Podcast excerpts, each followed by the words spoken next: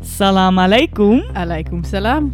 Wij zijn Dieke en Dorothee. En dit is aflevering 3 van Grensoverschrijdend, de podcast. Een podcast van perspectief over asiel en migratie. Vandaag gaan we in gesprek met Judith, consulent inburgering en een vrouw waar je niet zomaar ruzie mee wilt krijgen. Wij vertellen kort over de actualiteiten in de wereld en we nemen je mee in de wereld van de inburgering. En dat alles vanuit de chocoladefabriek, waar we chocola proberen te maken van de asielwetgeving. Veel luisterplezier.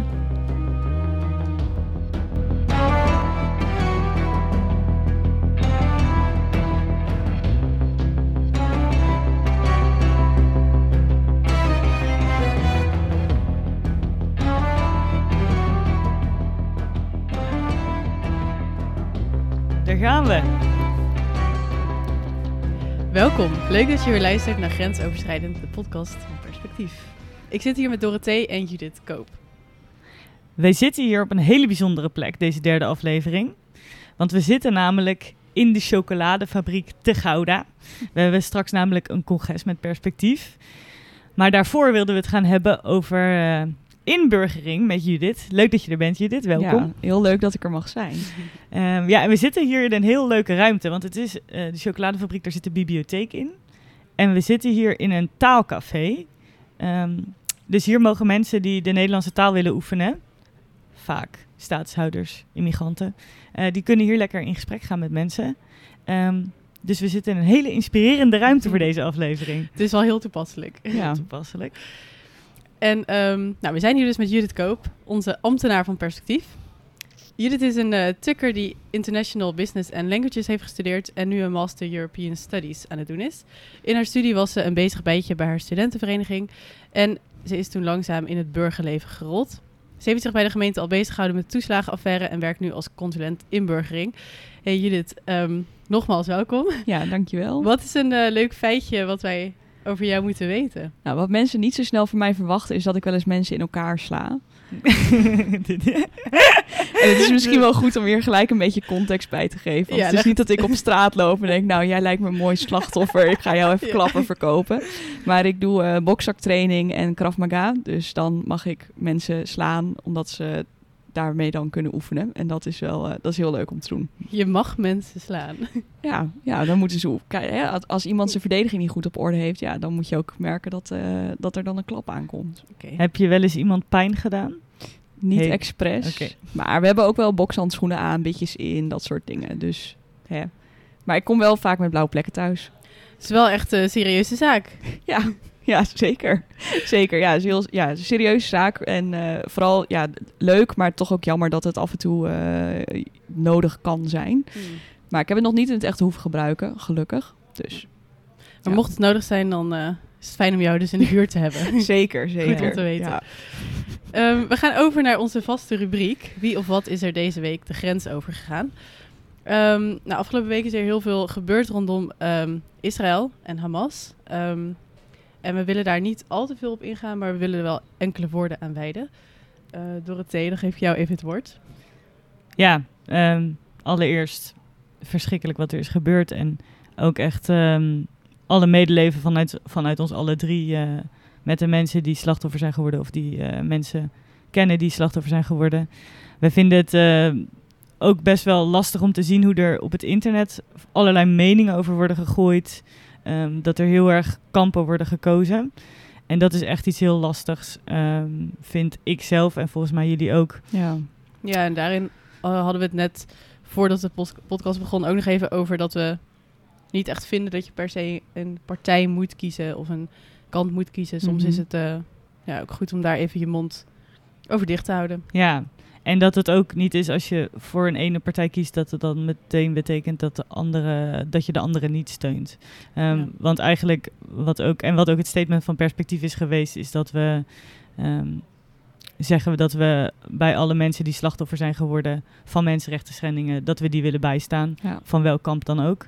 En eh, nou ja, we hebben helaas gezien de afgelopen dagen dat dat wel eh, dat dat echt wel een reëel onderwerp is.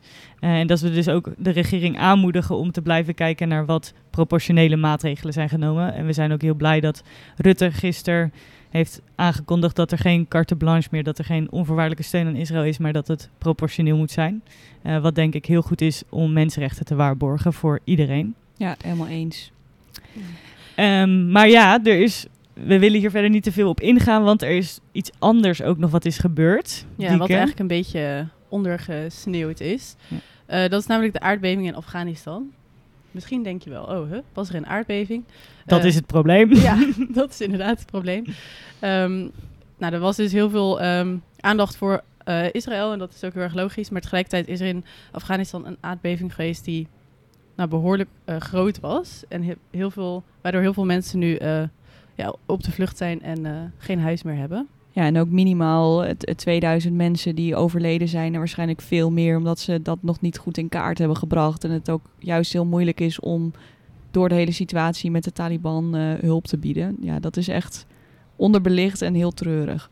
Ja, want het is uh, zo dat best wel veel NGO's, dus mm -hmm. um, organisaties die eigenlijk onafhankelijk zijn, die mogen het land niet in. Nee. nee. nee. En ook zeker omdat ook vrouwelijke werknemers en hulpverleners wordt ook geweigerd dat zij mogen werken. Terwijl veel NGO's zijn juist afhankelijk ook van vrouwen ja. uh, die veel zorgdragende beroepen hebben. Um, wat de situatie nog ingewikkelder maakt. Ja. Nou ja. Dus daar um, wilden we graag ook even wat aandacht aan geven naast het verschrikkelijke conflict in uh, Israël-Palestina. Ja, dus er gebeurt ook heel veel in het Midden-Oosten en daarmee um, nou, komen er ook weer nieuwe vluchtelingenstromen op gang eigenlijk. Of dat uh, gebeurt as we speak.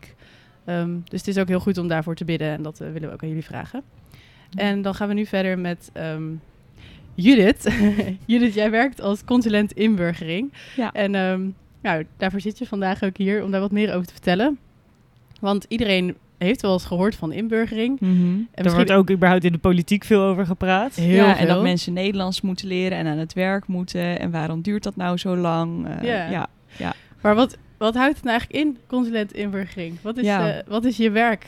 Nou, um, ik werk dus bij de gemeente. En daarbij doe ik, ja, officieel heet dat de uitvoering van de wet inburgering 2021. En um, dat houdt eigenlijk in dat iedereen die moet inburgeren vanaf een bepaalde datum onder de begeleiding valt van de gemeente. In plaats van dat ze hun eigen inburgeringstraject nou, een beetje moeten uitzoeken en inrichten. Dus dat betekent dat de gemeente eigenlijk bepaalt welk traject iemand gaat volgen?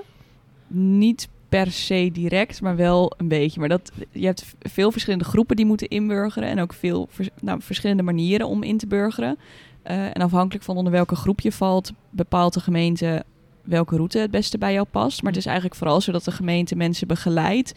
Um, en een soort ja, trajectcoach, case manager-achtige functie heeft om ervoor te zorgen dat iemand zijn inburgering haalt binnen de termijn die daarvoor staat. En, en voordat we verder ingaan op ja. de details daarvan, wat vind jij zelf, of hoe ben je hier zelf bij gekomen? Wat vind je hier zelf zo mooi aan? Nou, ik vind het heel mooi dat ik in mijn werk echt mensen persoonlijk kan zien en begeleiden. En ook per persoon kan kijken wat is een traject dat bij jou past. En waarmee jij hopelijk een stapje dichterbij het leven komt dat jij graag zou willen leiden. Nu je in Nederland bent en daar misschien niet vrijwillig voor hebt gekozen. En uh, misschien dat het ook wel leuk is om even kort te vertellen wat nou officieel het doel is van inburgeren. Ja, want goeie. daar hebben mensen het ook wel eens over wat het nou inhoudt. En uh, het doel van de wet inburgering is dat heb ik hier ergens staan, dat mensen die moeten inburgeren zo snel mogelijk mee kunnen doen in Nederland. En dan het liefste door uh, betaald werk of vrijwilligerswerk. Uh, maar vooral dat mensen in staat zijn om zichzelf te redden, omdat ze de taal wel spreken. Uh, en weten naar welke instanties ze toe moeten en een netwerk hebben opgebouwd om zich heen. Dus het gaat ja. wel voornamelijk over de Nederlandse taal is wel een heel groot deel. Als je kijkt naar hè, het aantal uren dat iemand kwijt is aan inburgering, gaat het grootste gedeelte van de uren toch in de taallessen zitten. Ja. Okay. En wat, wat houdt het nog meer in? Even om, om een beeld te schetsen. Ja. ja, je hebt verschillende onderdelen. Een heel groot deel is taal. Um, je hebt ook, daar heb je de meeste examens ook van. Als je examens moet doen, Uh, en dan heb je ook nog een onderdeel kennis van de Nederlandse maatschappij. Dat is eigenlijk een soort ja, maatschappijleer zoals wij dat kennen van de middelbare school. Maar dan wat uitgebreider en ook wat meer toegepast op het dagelijks leven. Uh, en daarnaast heb je nog twee andere trajecten. Dat is eh, het participatieverklaringstraject. Dat is een heel lang woord. Dat klinkt ook echt als een woord wat nieuwkomers goed kunnen begrijpen. Ja, zeker. Dus ik zeg altijd, ja, dat is een heel lang ingewikkeld woord. Dan hoef je niet te weten wat dat nou precies is. Maar we korten het altijd af met de PVT en dat moet je doen. Uh, en een ander onderdeel dat is ehm, kennis van de, nee, niet de kennis van de Nederlandse maatschappij, maar de module arbeidsmarkt en participatie. Participatie is een woord dat echt heel vaak voorkomt. En ik moet daarbij altijd even denken aan de luizenmoeder met de participizza. Ik weet niet of iedereen dit kent, maar nou ja, ik heb daar stiekem toch altijd een klein binnenpretje om als ik dat aan het uitleggen ben. Laat je dan ook altijd het fragment zien van de luizenmoeder? ik wil dat wel heel graag, maar misschien als mensen aan het eind van een inburgeringstraject zijn, dat dan ook de Nederlandse humor wat meer aansluit bij hun eigen gevoel van humor. Kijk, ik, ik wil natuurlijk wel de menselijke ambtenaar zijn, maar het is ook wel fijn als ze niet denken, goh, wat is dat voor een rare vrouw die daar zit. Maar um, ja, als, je, als we dit even concreet maken. Als er jij krijgt een nieuwkomer binnen? Of mm hoe wordt iemand aan jou toegewezen? Hoe gaat dat? En wat gebeurt er dan verder? Ja, nou, zo, er zijn eigenlijk twee grote groepen die uh, moeten inburgeren, waar we ook mee werken. En het verschilt een beetje per groep hoe wij dat signaal binnen krijgen. Um, want je hebt mensen die zijn naar Nederland gevlucht en die hebben een asielvergunning gekregen van een asielverblijfsvergunning. Dat noemen we asielmigranten en die moeten eigenlijk sowieso inburgeren. Dan heb je ook nog een andere groep en dat zijn de gezinsmigranten. En dat zijn bijvoorbeeld mensen die uh, een uh, familielid hebben dat in Nederland woont en een Nederlandse nationaliteit heeft en die daarbij willen komen. Uh, of dat zijn mensen die zijn getrouwd met iemand die niet uit Nederland komt. Nou, en dan betekent het niet dat als, ik, uh, als je een partner hebt uit België, dat die dan naar Nederland moet komen en ook moet inburgeren. Hm. Maar eigenlijk iedereen die niet vanuit een uh, land komt dat bij de EU hoort, of bij de landen die horen bij, bij Schengen. En ik hoorde net al dat ik Schengen even uit moest leggen. dat is als je uh, naar het buitenland wil en je kunt niet met je ID-kaart naar dat land toe, dan zijn dat landen die buiten het Schengen-verdrag hm. vallen. Uh, dus eigenlijk iedereen die daar buiten valt, die van buiten Europa komt, dus dat kan Amerika zijn, de Filipijnen, Thailand, Australië, uh, die moeten ook inburgeren. Uh, dus dat zijn de twee groepen die we binnenkrijgen: asielmigranten en gezinsmigranten. Um, en asielmigranten die komen vaak bij ons in beeld al doordat uh, we een signaal krijgen vanuit het AZC of vanuit de maatschappelijke begeleiding dat iemand een huis heeft gevonden. Uh, of een huis heeft toegewezen gekregen. En dan bij jullie in de gemeente? Ja, ja, wij krijgen dan een signaal omdat er dan een uitkering vaak is aangevraagd. En dan weten wij, hey, deze persoon die woont nu ook echt in de gemeente, die kan ook echt gaan beginnen. Maar eigenlijk officieel gaat alles via Duo. Um, ons als studenten wel bekend volgens mij. Ome, Ome Duo. Hey. Super. Maar die is er dus ook voor de uh, asielmigranten. Ja, want we hebben net even de afkorting van Duo opgezocht. Dat was dienst, uitvoering, onderwijs. onderwijs ja, yes. hè? En uh, ja, Duo gaat onder andere ook over de inburgeringsplicht. En die bepaalt dus samen met uh, nou, de IND, die gaat over de verblijfsvergunningen en zo, uh, of iemand inburgeringsplichtig is. En daar krijgen elke gemeente krijgt via Duo een signaal dat er mensen zijn gekoppeld aan jouw gemeente die ook moeten inburgeren. En dan nodigen die mensen als eerst uit voor een kennismakingsgesprek. En dan vertellen we, nou, dat ze moeten inburgeren. En dat weten ze vaak wel. Maar ook wat dat dan inhoudt en hoe dat traject er bij de gemeente uit gaat zien. En dan hebben we daarna nog een paar afspraken om iemand beter te leren kennen. Wat speelt er allemaal in je leven? Waar kan je misschien in gaan vastlopen? Waar heb je hulp bij nodig?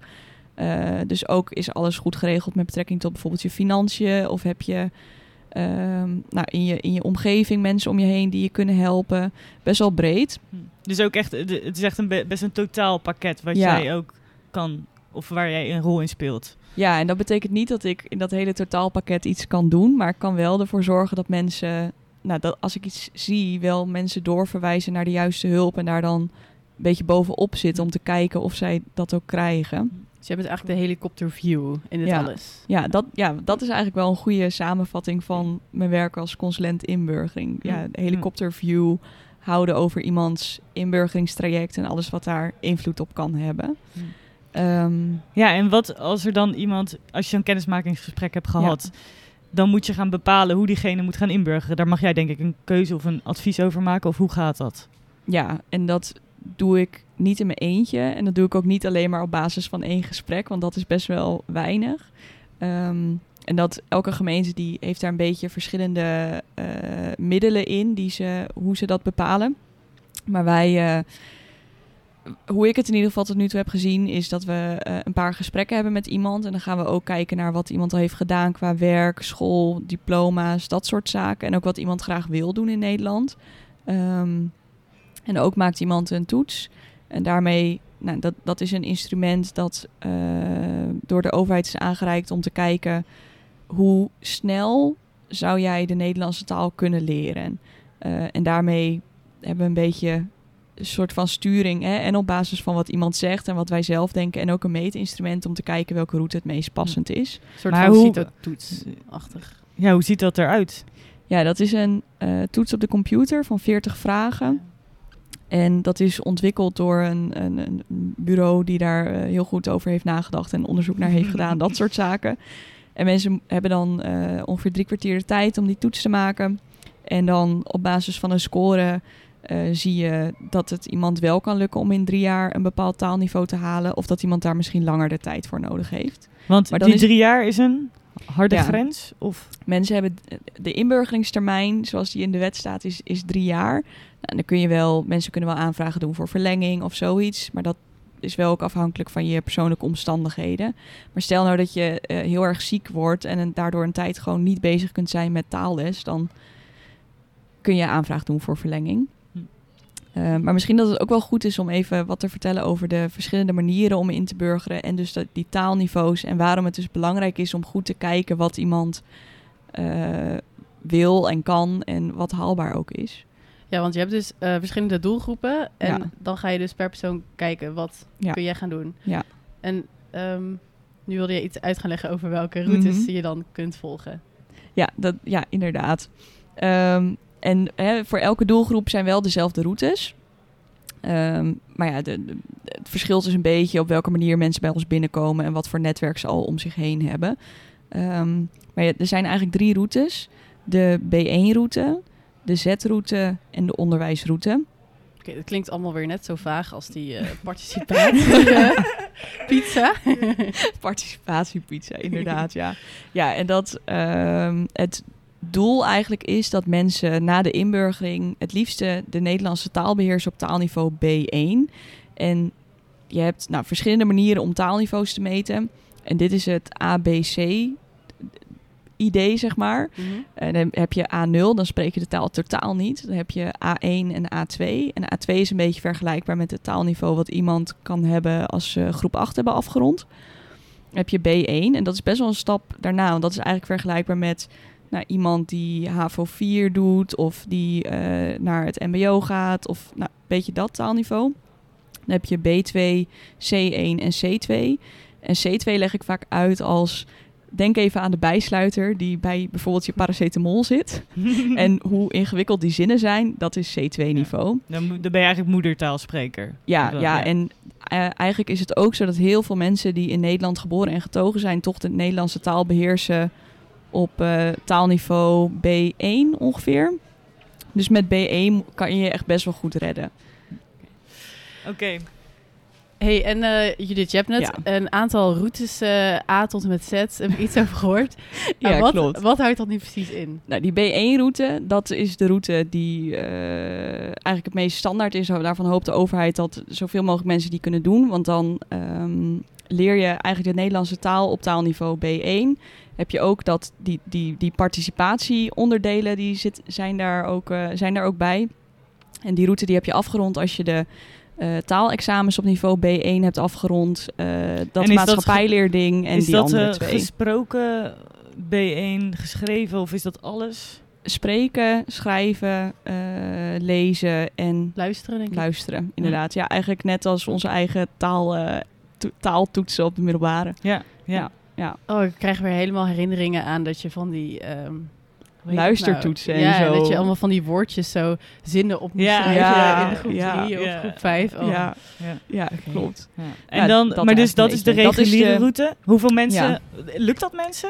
Ja, best wel veel ook eigenlijk. Wel, eh, nou ja, die die getallen heb ik even niet, niet paraat. Maar eh, nou, dat, dat lukt mensen zeker. En ook binnen, binnen die drie jaar. Dus dat is wel echt heel tof.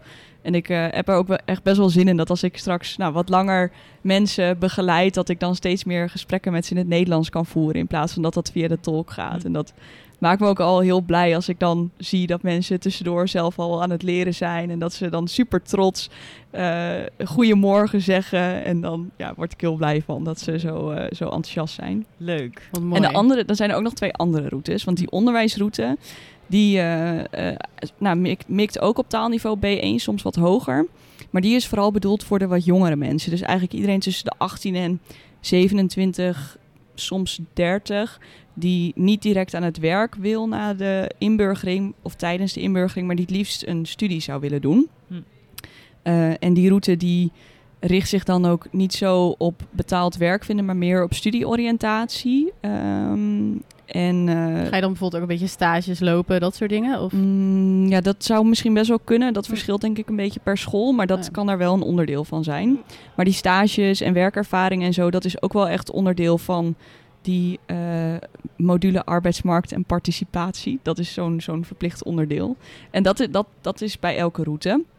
Dus ook bij die Z-route. Want er zijn ook best wel mensen voor wie het echt heel lastig kan zijn om die examens te halen op B1-niveau. En die misschien wel heel graag willen, maar die door trauma of door dat ze gewoon op een bepaalde leeftijd zijn, dat je hersenen nieuwe taal minder makkelijk kunnen aanleren.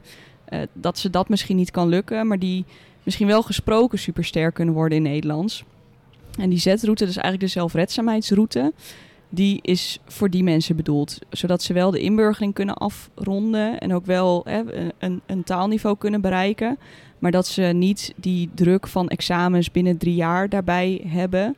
Dat je in die route wel examens mag doen, maar het moet niet. En de focus ligt vooral op wat wil jij kunnen en daarop begeleiden. Dat je je daar kan redden met, jou, met jouw taalniveau. En dan kan het zijn dat iemand op A1 komt, soms A2. Misschien dat iemand voor bepaalde onderdelen, als je het zou gaan toetsen, wel op, op B1 of hoger zit. Maar dat ja, heeft gewoon wat meer tijd nodig. Wel super mooi dat, dat je ja. dus zeg maar ook als je praktijkgericht bent als uh, migrant, dat je wel ja. um, ook gewoon kan inburgeren op je eigen manier eigenlijk. Ja, maar precies. wat heeft dat precies voor impl implicaties? Want als je de Nederlandse overheid wil graag dat je B1 gaat spreken en Ja. dat lukt je bijvoorbeeld niet. Heeft dat nog consequenties? Nou, niet per se voor de inburgering, want je moet natuurlijk de inburgering afronden. Ehm, dus voor, eh, voor het stukje inburgering heeft het geen consequenties. Het, dit, het, is, het doel is natuurlijk vooral dat je jezelf kan redden in Nederland. En dan hebben zij bedacht dat taalniveau B1 daar het beste bij past. Maar met die Z-route zou je je in theorie ook moeten kunnen redden. Hm. Ja. Ja, maar het Beetje kan... Ja. huistuin en keuken Nederlands. Of iets, nog iets meer dan dat eigenlijk. Ja, ja, het verschilt misschien ook wel heel erg. Als, hè, misschien dat iemand daarmee wel goed genoeg Nederlands kan spreken om eh, een sociaal leven op te bouwen met bijvoorbeeld de buren of vrijwilligerswerk te doen of iets anders. Hm. Maar dat het wat lastiger kan zijn om een administratieve functie te gaan doen. Ja. ja. Op die manier. En Ja. jij begeleidt dus deze mensen. Hoeveel mensen heb jij dan onder je hoede? Ik heb nu zo'n 50 mensen in mijn caseload. Ja, zo noemen we dat dan. Mhm. En je werkt geen vijf dagen, toch? Nee, ik werk drie dagen. Dus dat is Ja. eigenlijk best wel veel. Ehm, maar nou, in het begin dan heb je natuurlijk veel gesprekken en moet je dingen uitzoeken. En dan eh, heb je wat meer werk. En aan, we hebben tijdens de inburgering ook voortgangsgesprekken met mensen. En zo, ik WhatsApp bijvoorbeeld ook met, eh, met mijn inburgeraars. Dus als ik weet dat iemand is gestart in de onderwijsroute, dan app ik eventjes: hey, hoe gaat het? En hoe was je school? Hoe, hoe is je school? En gaat alles goed? En omdat ik het heel belangrijk vind om zelf gewoon persoonlijk een beetje betrokken te zijn. Maar ook om te kijken, hey, gaat dat allemaal goed op die taalschool? Of is er iets waar we hè, eh, vanuit de gemeente eventjes actie op moeten gaan ondernemen? Hm. Ja. Dus in het begin ben je vaak wat meer tijd kwijt aan gesprekken en dat wordt later wat minder. Hm. Dus het is niet zo dat ik 50 mensen vanaf het begin heb begeleid en dus eh, in het begin duizend uur heb gewerkt per week en daarna niet meer. Ja. Dat is wel goed om te weten. Ja. Ja. En eh, die taalscholen, dat, ja. ik hoor, of de afgelopen jaren is daar wel eens wat in het nieuws over geweest. En eh, onder liberaal beleid van de VVD is er volgens mij ook veel uitbesteed geweest. Ehm, hoe zit dat een beetje? Wat, wat, hoe kunnen mensen naar een taalschool? Hoe werkt dat? Ja, nou daar kom je een beetje ook bij het verschil tussen die gezinsmigranten en die asielmigranten. Want asielmigranten zijn mensen vaak met een vluchtelingenachtergrond. Die hebben een traject dat wordt bekostigd vanuit het Rijk, dus vanuit de gemeente. Eh, en daarom nou, zit je met allemaal regels. Kunnen we niet met alle taalscholen die in de buurt zijn in zee. Maar heeft de gemeente heeft vaak een aanbestedingsprocedure gedaan. Waarbij dan verschillende taalscholen kunnen zeggen. Wij kunnen goed taallessen geven en daar zijn dan eh, een paar uitgekomen. Dus dat zijn voor asielmigranten hebben we wat minder keuze. En voor gezinsmigranten, die mogen naar elke taalschool die ze willen. Die mogen de Nederlandse taal leren op een manier. Nou, volgens mij mag het in theorie zelfs zelf door middel van YouTube. Raad ik niet aan. Want ik denk dat een taaldocent wel echt een stuk meer begeleiding kan bieden. Maar die mogen zelf kiezen. Maar je hebt wel uh, een website waarop je ook kan vinden welke scholen een keurmerk hebben. En dat uh, heet het Blik op Werk keurmerk. En dat is bedoeld om dus nou, de, de mensen die een beetje misbruik willen maken van een doelgroep die niet helemaal weet wat nou goede kwaliteit taalschool kan zijn, om dat te voorkomen. Oh ja. Ja, ja. Hey, en merk jij eigenlijk in je werk ook dingen van het uh, ja, hele politieke spelletje wat er soms wordt Mhm. gespeeld? Dus hè, er gaan, vaak gaat het over inburgering en over... ehm nou, dat was vorige week ook met Jerke over dat Mhm. ehm, als mensen niet aan het werk kunnen, dat, er, dat ze dan soms eh, een beetje ruzie gaan schoppen. ja. Ehm, dus daar gaat het vaak over. Maar wat merk jij daarvan in je werk, van het hele politieke speelveld? Ja, in mijn werk niet zo heel veel direct, omdat ik, nou, die wet die is er gewoon en die regels die staan een soort van vast. Ehm, maar ik merk het natuurlijk wel in de gesprekken met mensen. Als mensen bijvoorbeeld vertellen dat ze lang in Ter Apel hebben gezeten, of van AZC naar AZC naar AZC zijn gegaan, of dat ze eh, nog aan het afwachten zijn of de gezinshereniging wordt ingewilligd en dat ze daarom veel minder concentratie hebben. En dan ja, officieel moeten ze eigenlijk beginnen met de inburgering. Maar ja, wij snappen ook wel dat ze afgeleid zijn. Dus daarin nou, probeer je ook te kijken wat, wat kunnen we doen. En ook een luisterend oor te bieden in, in een gesprek. En te zeggen, ja, ik, ik, ik herken het. Ik kan het niet herkennen. Maar ik kan me wel indenken dat het heel moeilijk is Hm. om, om in zoveel onzekerheid te zitten.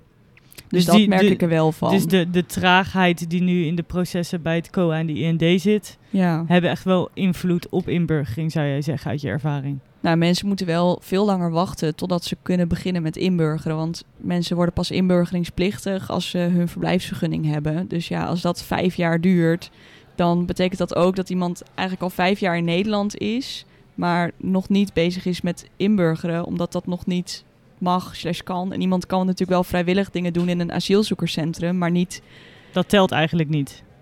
Nou ja, als iemand al heel goed Nederlands spreekt, als hij bij ons komt, dan kan hij misschien sneller door naar de examens. Maar ja, wij, wij kunnen niet zeggen, oh nee, je, je, je, je spreekt al Nederlands, je hoeft niks meer te doen. Nee. Ja. Ehm, nou, dan kunnen we misschien doorgaan naar het einde. Wat we eigenlijk alle gasten vragen, Mhm. is eigenlijk wat ze voor een soort wens of idee of iets zou je willen meegeven aan de politiek, aan de ChristenUnie of aan de, ik weet niet, aan de regering, van wat jij uit je werk meemaakt. Mhm. En waarvan je denkt, dit is echt belangrijk dat zij dit meenemen in besluitvorming, in, eh, in wetten. Oeh. Er zijn wel wat meer dan één dingen, denk ik. Ja. Want in mijn werk merk je heel erg natuurlijk het effect van personeelstekort. Eerst dat mensen heel lang moeten wachten bij de IND totdat er een beslissing is genomen. En dat dat hele wachtproces, dat doet natuurlijk heel veel met mensen mentaal. Ehm, ook zie je dat er, als er te weinig taaldocenten zijn, heb je of grotere klassen, waardoor mensen de taal minder snel leren, of kunnen ze misschien niet direct starten, dat soort zaken. Ehm, maar het kan ook wel zijn dat mensen eh, kinderen hebben en dat je dan twee ouders hebt die allebei ook taalles moeten hebben, maar dat dat smiddags is in plaats van ochtends. Dat de kinderen dan niet meer op school zitten, maar thuis zijn. Er moet eigen kinderopvang worden geregeld, maar er zijn ook tekorten. En nou, wie van de ouders blijft dan thuis? Dan zie je ook wel dat bepaalde rolpatronen eh, daar wel invloed op hebben. Dat, dat dan de ene ouder sneller de taal kan leren dan de andere. Ehm, Hebben jullie dan eigenlijk Ja. als gemeentes ook nog ehm, bellen waar jullie aan kunnen trekken, zeg maar? Of, of knopjes waar jullie op kunnen duwen? Ja, ik niet direct. Misschien wel mijn collega's ergens die bij beleid zitten. En je hebt natuurlijk ook wel de raadsleden die, die invloed kunnen hebben, soort van. Maar het gaat, ik denk eigenlijk vooral dat het zo is dat de wethouders en andere mensen van de gemeente in Den Haag dit ook aan moeten geven. Hm. Ja, maar wat ik vooral ook heel fijn zou vinden is als mensen vanaf het begin al mee kunnen doen. Ook als ze dus nog niet weten of ze wel of niet een verblijfsvergunning krijgen. Omdat mensen dan minder lang in die wachtstand zitten, al sneller bezig gaan en ook voor zichzelf het idee hebben dat ze werken aan hun toekomst. Want nu zie ik vaak dat mensen bij mij in de spreekkamer zitten en denken: yes, die pauzeknop, die is eindelijk eh, is die weer op play gedrukt. Nu, nu kan ik weer verder bouwen aan mijn toekomst. Hm. En ik zou het mensen zo gunnen als dat eh, al wat eerder kan. Ja. Ja, want het is zeg maar niet logisch, of het is heel logisch dat eh inburgeren nog niet eerder start, want Ja. jullie krijgen dat signaaltje Ja. dus nog niet eerder. Nee, en je kunt, hè, als je niet weet of iemand in Nederland gaat blijven, kun je iemand natuurlijk ook niet verplichten om te gaan inburgeren. En nou, als iemand wel in Nederland blijft, nou, dan kun je dat wel een verplichting maken. Maar het zou wel fijn zijn als het veel meer wordt gestimuleerd en dat mensen bijvoorbeeld langer dan 24 weken mogen werken als ze nog in een asielprocedure zitten. Of wellicht al vrijwillig gaan inburgeren als ze dat... eh, ja, precies. ja. En dat, dat mag natuurlijk wel, maar dat daar meer eh, middelen ook voor beschikbaar komen, bijvoorbeeld. Dat zou uiteindelijk mijn werk ook weer een stuk makkelijker maken, omdat mensen dan al eh, nou, een stukje verder zijn. Ja. Nou, echt super bedankt voor al deze uitleg. Voor mij was het heel verhelderend. Ja, voor mij ook. Ik heb er al nieuwe dingen gehoord. Onder andere de participatiepizza. Leuk dat hij weer een keer terugkwam. ja, precies. Ehm, heel erg bedankt dat je hier was, Judith, om het uit te leggen. Ja. Ehm, je doet mooi werk, zoals we horen. Dus echt heel veel Fijn. succes en plezier en ja. dat soort dingen ehm, in Ja, het je is, werk. ja, het is ook echt heel leuk werk om te doen. En het klinkt nu super theoretisch, maar uiteindelijk de gesprekken met de mensen in de spreekkamer, waarbij je dan, nou, zij een paar woordjes Nederlands kunnen en ik mijn Arabisch eh, een heel, heel, heel klein beetje kan toepassen. Kom nog niet zo heel veel verder dan salam alaikum. Maar dat wordt wel heel Maar erg toch. gewaardeerd. Dat, dat, Ja. dat is wel waar je het voor doet. Heel Ja. gaaf. Dankjewel, eh Judith. Ja. We hebben het eh, dus eh, kort gehad over de participatiepizza. ehm, over van allerlei conflicten in het Midden-Oosten. En eh, vooral over inburgering. Bedankt voor het luisteren. En, En voor nu... we horen jullie graag weer, of we, we horen graag wat jullie van de aflevering vonden. En we hopen dat jullie ook weer de volgende aflevering blijven luisteren. Ja, en stuur ook vooral je vragen in als, het, als je die hebt. En voor nu, ma salama. Ma salama. Maar salama.